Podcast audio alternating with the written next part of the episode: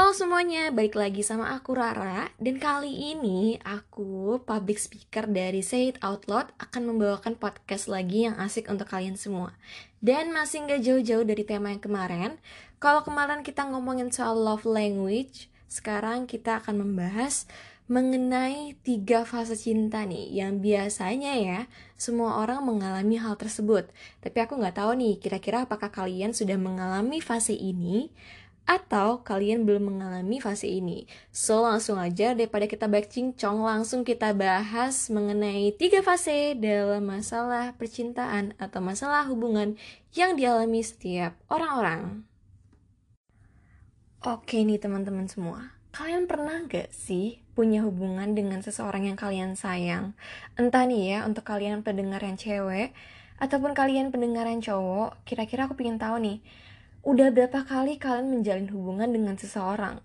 Dan kira-kira gimana tuh waktu kalian berhubungan dengan mereka? Apakah kalian lovely dovely kah? So sweet suka gitu-gitu, suka kayak ngasih bunga, ngasih coklat, atau seromantis Dilan dan juga Milia?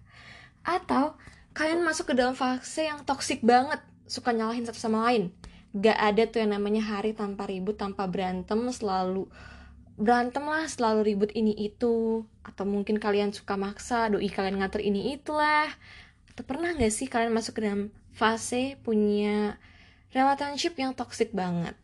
Atau kalian nih ya sekarang lagi masuk ke dalam fase hubungan yang tulus saling memahami satu sama lain tidak romantis tapi ibaratnya sederhana aja. Cuman kalian sama-sama saling dewasa saling mengetahui kekurangan masing-masing kelebihan masing-masing saling mendukung lah istilahnya.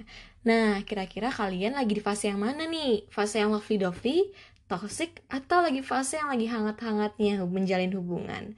Boleh aja kalian ceritain ke aku kalian lagi di fase yang mana Kali ini aku akan mulai membahas dari fase percintaan yang pertama Di mana fase ini merupakan fase yang di mana kita itu lovely dovely Sayang jatuh cinta, nge-uwu-uwu ya Biasanya kalau zaman sekarang dibilangnya.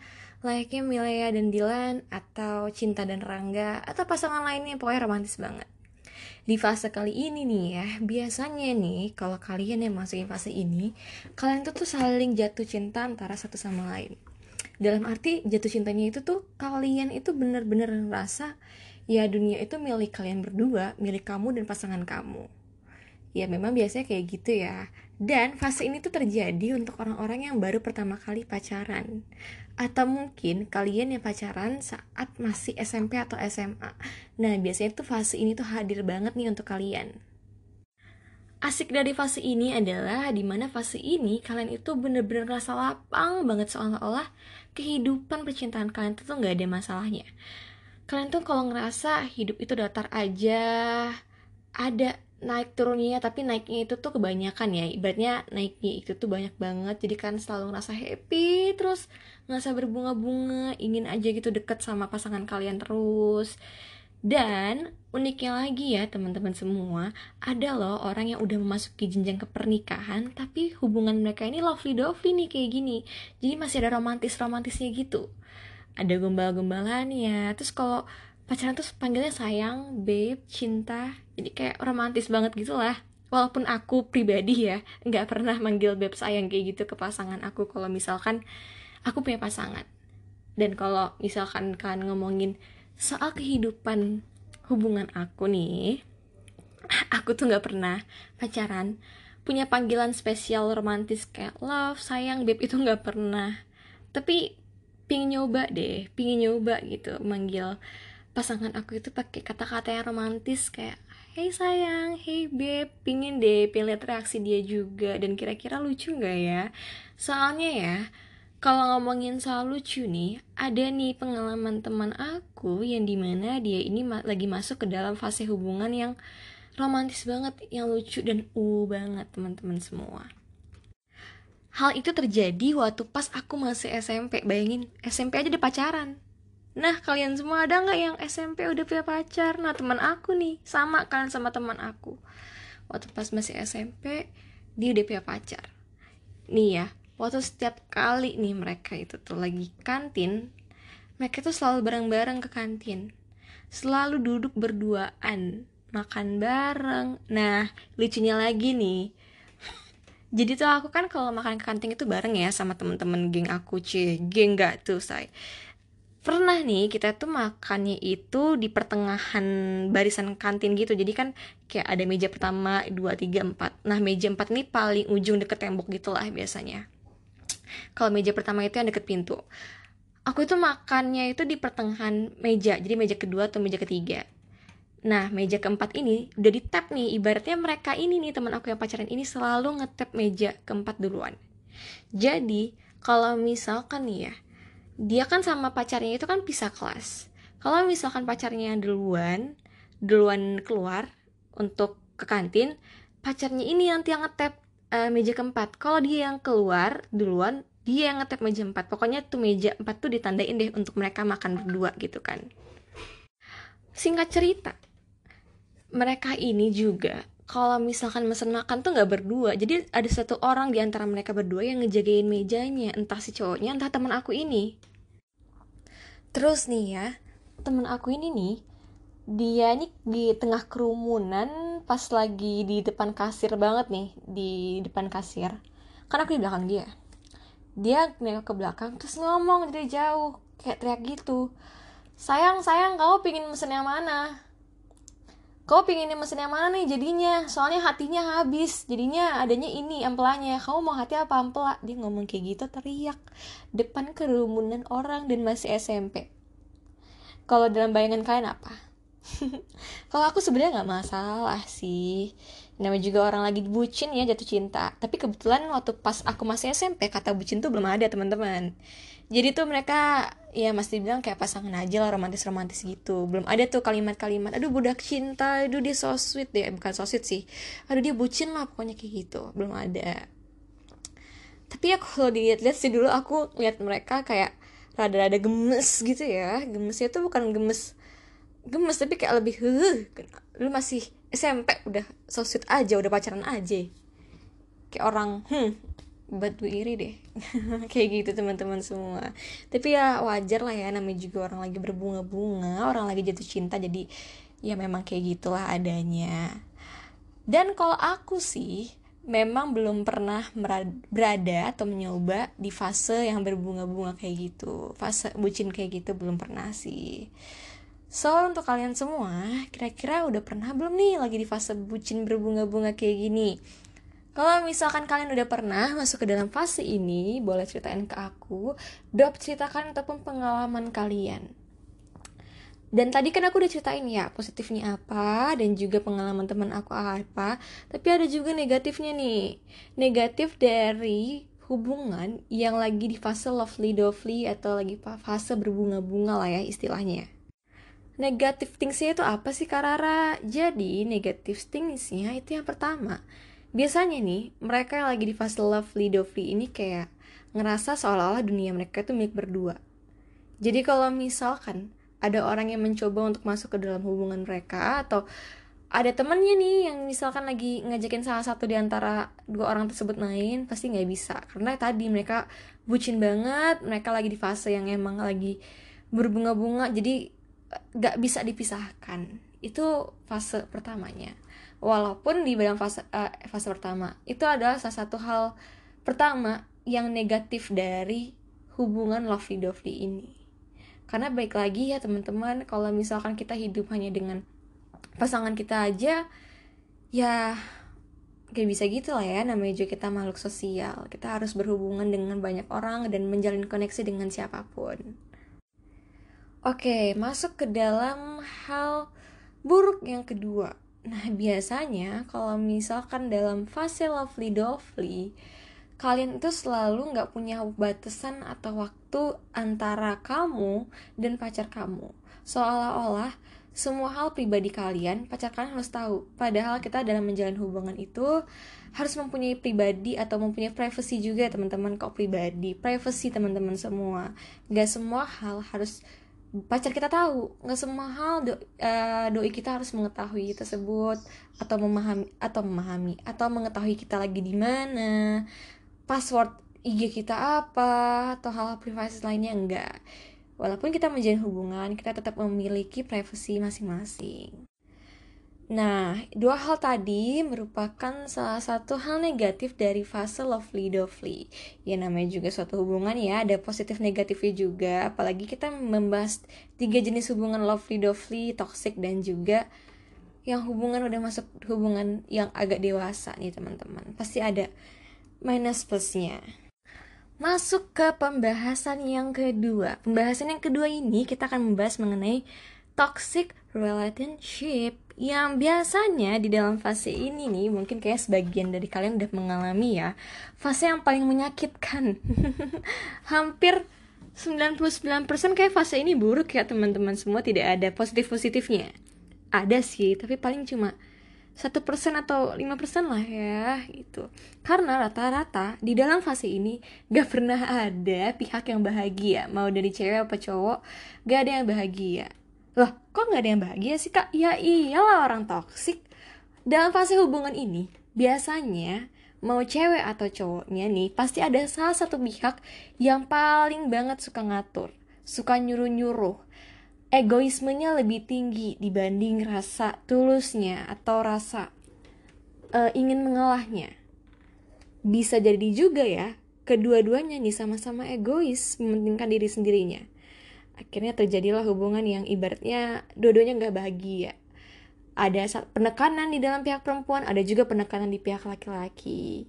Dan itu sama-sama mengusik batin dan pikiran kedua-duanya. Sehingga akhirnya hubungan mereka pun tidak berjalan mulus. Hmm kalau hubungan kayak gini ya biasanya itu bisa buat kita stres setiap hari setiap minggu teman-teman semua. Mendingan ya untuk kalian yang punya hubungan toxic nih atau sekarang lagi menjalankan hubungan yang kurang baik, jauh-jauh deh, mending pisah aja. Enjoy aja waktu kalian sambil menunggu orang yang tepat atau orang yang emang layak untuk berada di sisi kalian.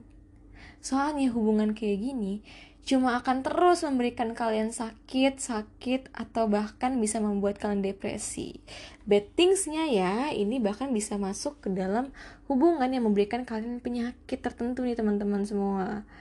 Kondisi parahnya ya, bahkan sampai nih ya, ada seseorang atau salah satu pihak di dalam di dalam hubungan tersebut yang di mana akhirnya mereka jadi people pleasure ataupun jadi pihak yang ibaratnya nurut-nurut aja iya iya aja. Dan kalau misalkan mereka stres bisa banyak banget kemungkinan buruknya. Aduh jangan sampai deh. So untuk kalian yang lagi di dalam fase hubungan buruk ini atau hubungan toksik jangan sampai mau bertahan. Mendingan keluar aja teman-teman semua. Dan aku rasa ya kalau untuk hubungan toksik ini aku nggak pernah melihat sisi positifnya sih. Paling sisi positifnya kalau misalkan keduanya lagi adem lah ya lagi adem ayem terus dua-duanya sama-sama happy oke okay, itu bahagianya. Eh tapi beberapa menit kemudian berantem lagi ribut lagi bertengkar lagi ada piring terbang cu nggak tapi ya intinya kayak gitulah ya. Untuk hubungan toksik ini kebanyakan backting sense sih.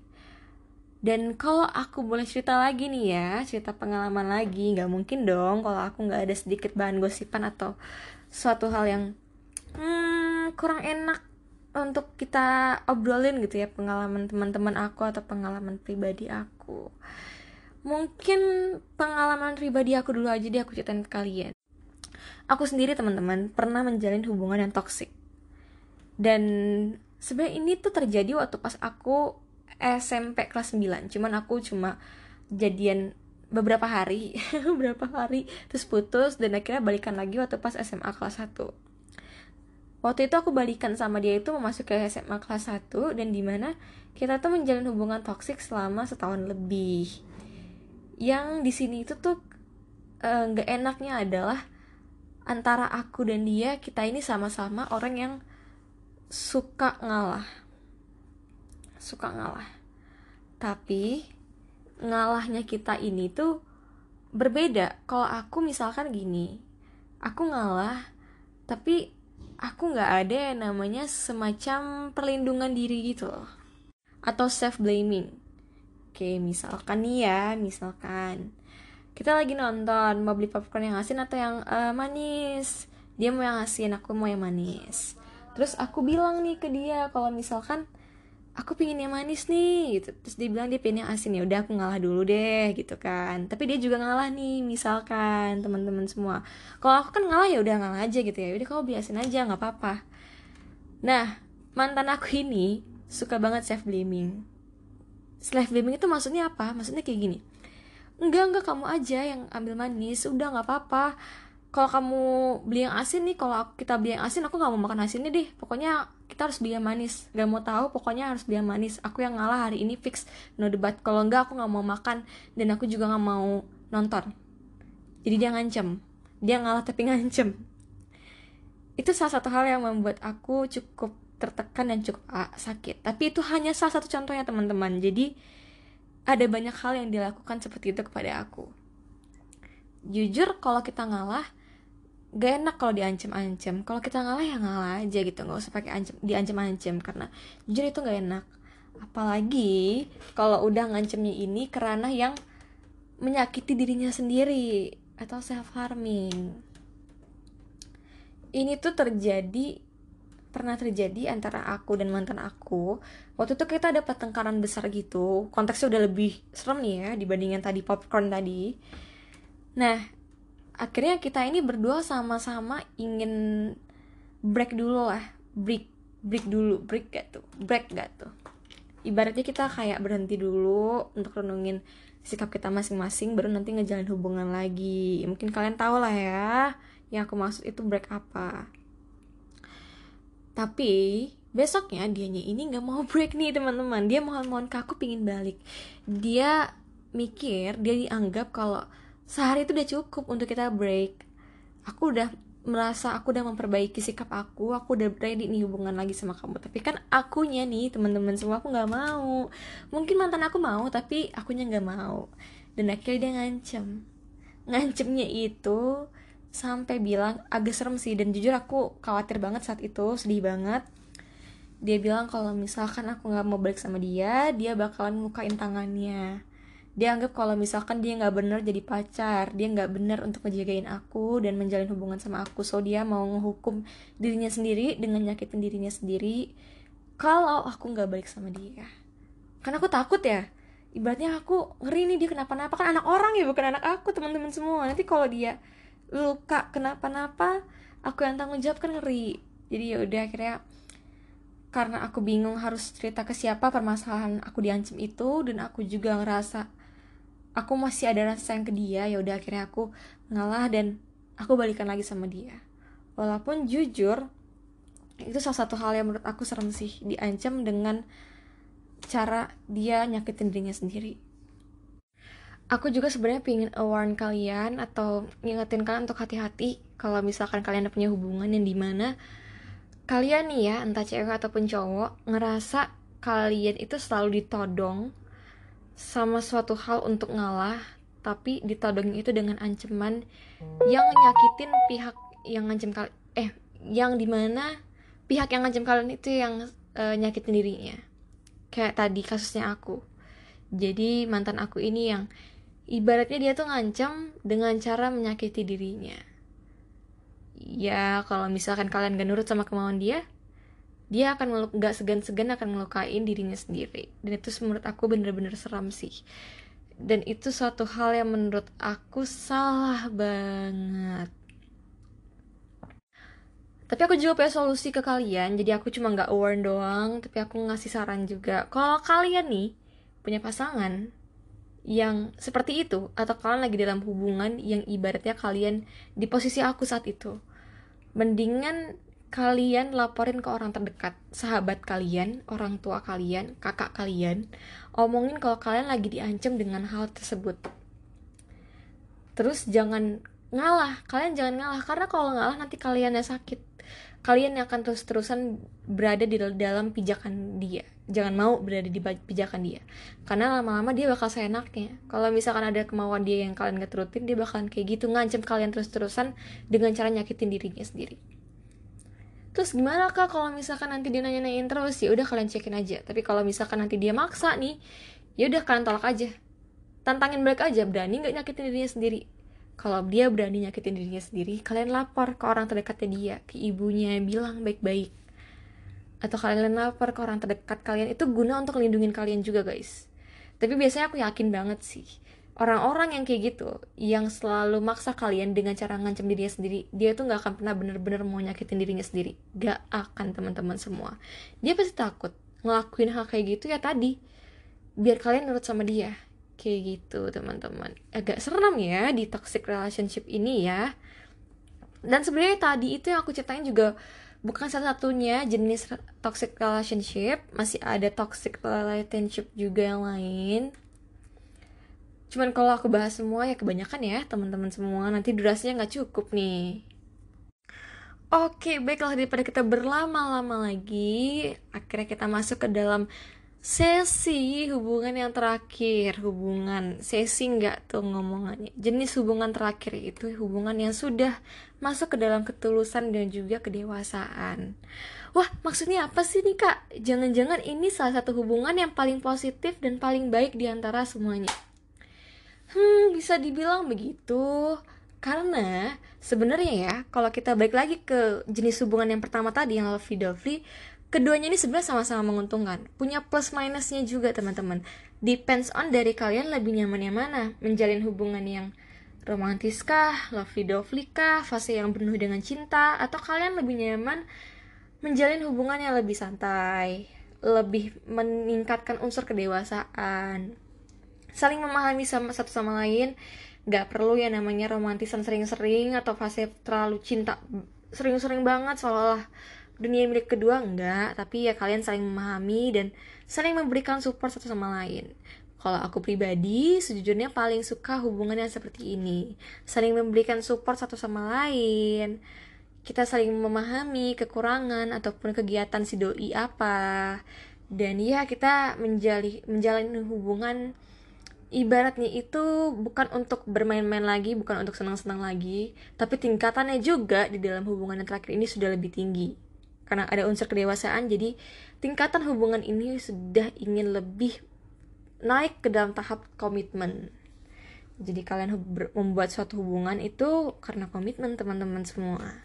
Agak berat ya kak bahasannya mengenai komitmen. Iya berat banget hubungan ini sebenarnya berat dan paling susah dijalani di antara ketiga hubungan yang lainnya. Di antara semua hubungan nih, hubungan dewasa ini yang paling susah dijalani teman-teman. Karena butuh keseriusan, butuh ketulusan, ketulusan gak sih? Gak tuh. Sebenarnya semua hubungan tuh butuh ketulusan ya, tapi di hubungan ini memang kalian butuh yang namanya komitmen dan kalian janji untuk berpegang teguh dengan apa yang telah kalian rencanakan. Karena hubungan ini nih biasanya dia ini untuk ke tahap-tahap yang ibaratnya sudah lebih jauh atau punya perencanaan di masa depan yang mendatang.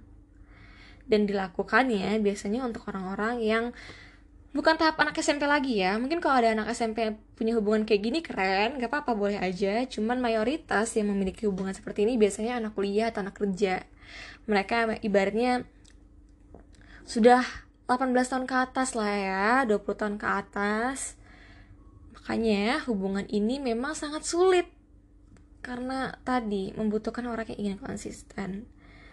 Tapi minusnya dari hubungan ini apa sih? Oke, sebelum aku menceritakan pengalaman aku juga nih ya menjalin hubungan kedewasaan ini, uh, pengalaman gak tuh? Asiknya nih kalau misalkan aku menceritakan mengenai minusnya, menceritakan, menjelaskan mengenai minusnya. Minus dari hubungan ini Oke, kita masuk ke dalam kekurangan pertama. Bukan pertama sih, pertama dan terakhir dari hubungan kedewasaan ini atau hubungan yang ibaratnya tingkatnya udah lebih serius lah ya, udah lebih tulus gitu. Kayak gitu. Aku cuma tahu satu kekurangan ya teman-teman semua. Hubungan itu sulit banget. Gak mementingkan status lagi. Tetap status itu masuk ke dalam bagaimana mereka menjalin hubungan, tapi yang paling terpenting itu adalah komitmen. Bagaimana mereka bisa menjaga apa yang telah mereka rencanakan di masa mendatang. Ibaratnya kayak kalian menjalin hubungan ini karena kalian punya cita-cita. Cita-cita kalian itu bukan mengenai diri kalian masing-masing, tapi mengenai hubungan kalian dan itu sudah berat banget. Dan teman-teman aku yang lagi di da dalam fase seperti ini, di dalam fase menjalin hubungan yang emang lagi setulus-tulusnya hubungan yang dua-duanya sama-sama dewasa dan komitmen mereka itu keberatan karena mereka ini gak ada status mereka ini gak meningin status sementara namanya juga hidup ada yang nama gengsi lah ya. Mereka masih pingin membucin lovely dovely ada sayang-sayangan statusnya gitu. Tapi komitmen. Mereka ingin komitmen dan mereka ingin cita-cita mereka menjalin hubungan itu lebih tercapai dibanding status mereka. Itu beratnya teman-teman semua. Ya, kalau cerita sedikit ya, aku juga pernah mengalami fase hubungan yang kita tuh sama-sama tulus, sama-sama dewasa, dan kita ini lebih ke tahap komitmen. Tapi memang berat banget teman-teman semua. Beratnya adalah karena ya tadi komitmen tadi, yang di mana gak semua yang kita mau, gak semua yang kita cita-citakan bersama pasangan kita itu akan tergapai. Ada kalanya hal itu gak tergapai, dan akhirnya kita ngerasa hubungan ini mungkin terlalu berat, kita juga belum siap, walaupun kita saling sayang, mungkin kita akan dipertemukan di lain waktu, di di mana kita kondisi lebih komitmen lagi, lebih sehat lagi atau lebih siap lagi untuk menjalin hubungan karena memang tahap yang memasuki fase hubungan komitmen ini, fase hubungan dewasa ini berat banget. Tapi untuk kalian semua nih yang lagi di fase kayak gini atau lagi di fase saling komitmen, saling mengerti sama satu sama lain. Udah fase serius, kalian hebat banget dan semoga kalian langgeng ya. Dan langgeng juga untuk kalian semua yang lagi hubungan lovely dovely, tapi kalau untuk yang toxic enggak. Jauh-jauh dari hubungan kayak gitu karena itu sakit banget teman-teman semua. Dan mungkin kayaknya itu aja ya yang bisa aku ceritakan mengenai plus minus dari tiga hubungan yang kita bahas sedikit cerita-cerita atau spill bagi bahan lah ya dan aku juga mau minta maaf kalau misalkan ada kurang atau ada salah kata dari apa yang aku bahas sekarang aku harap kalian juga bisa enjoy menikmati podcast atau perbincanganku ini. Stay safe untuk kalian semua, sehat-sehat di mana pun kalian berada Karena memang kondisi pandemi kita lagi buruk-buruknya lagi sulit-sulitnya. So kalian semua sehat-sehat untuk kalian dan keluarga. Thank you untuk kalian semua yang dengerin. See you next time atau di next episode. Dan jangan lupa jangan ke mana-mana tetap dengerin podcast dari Say It Out Loud di episode yang lainnya sama public speaker yang lain-lainnya. Thank you teman-teman semua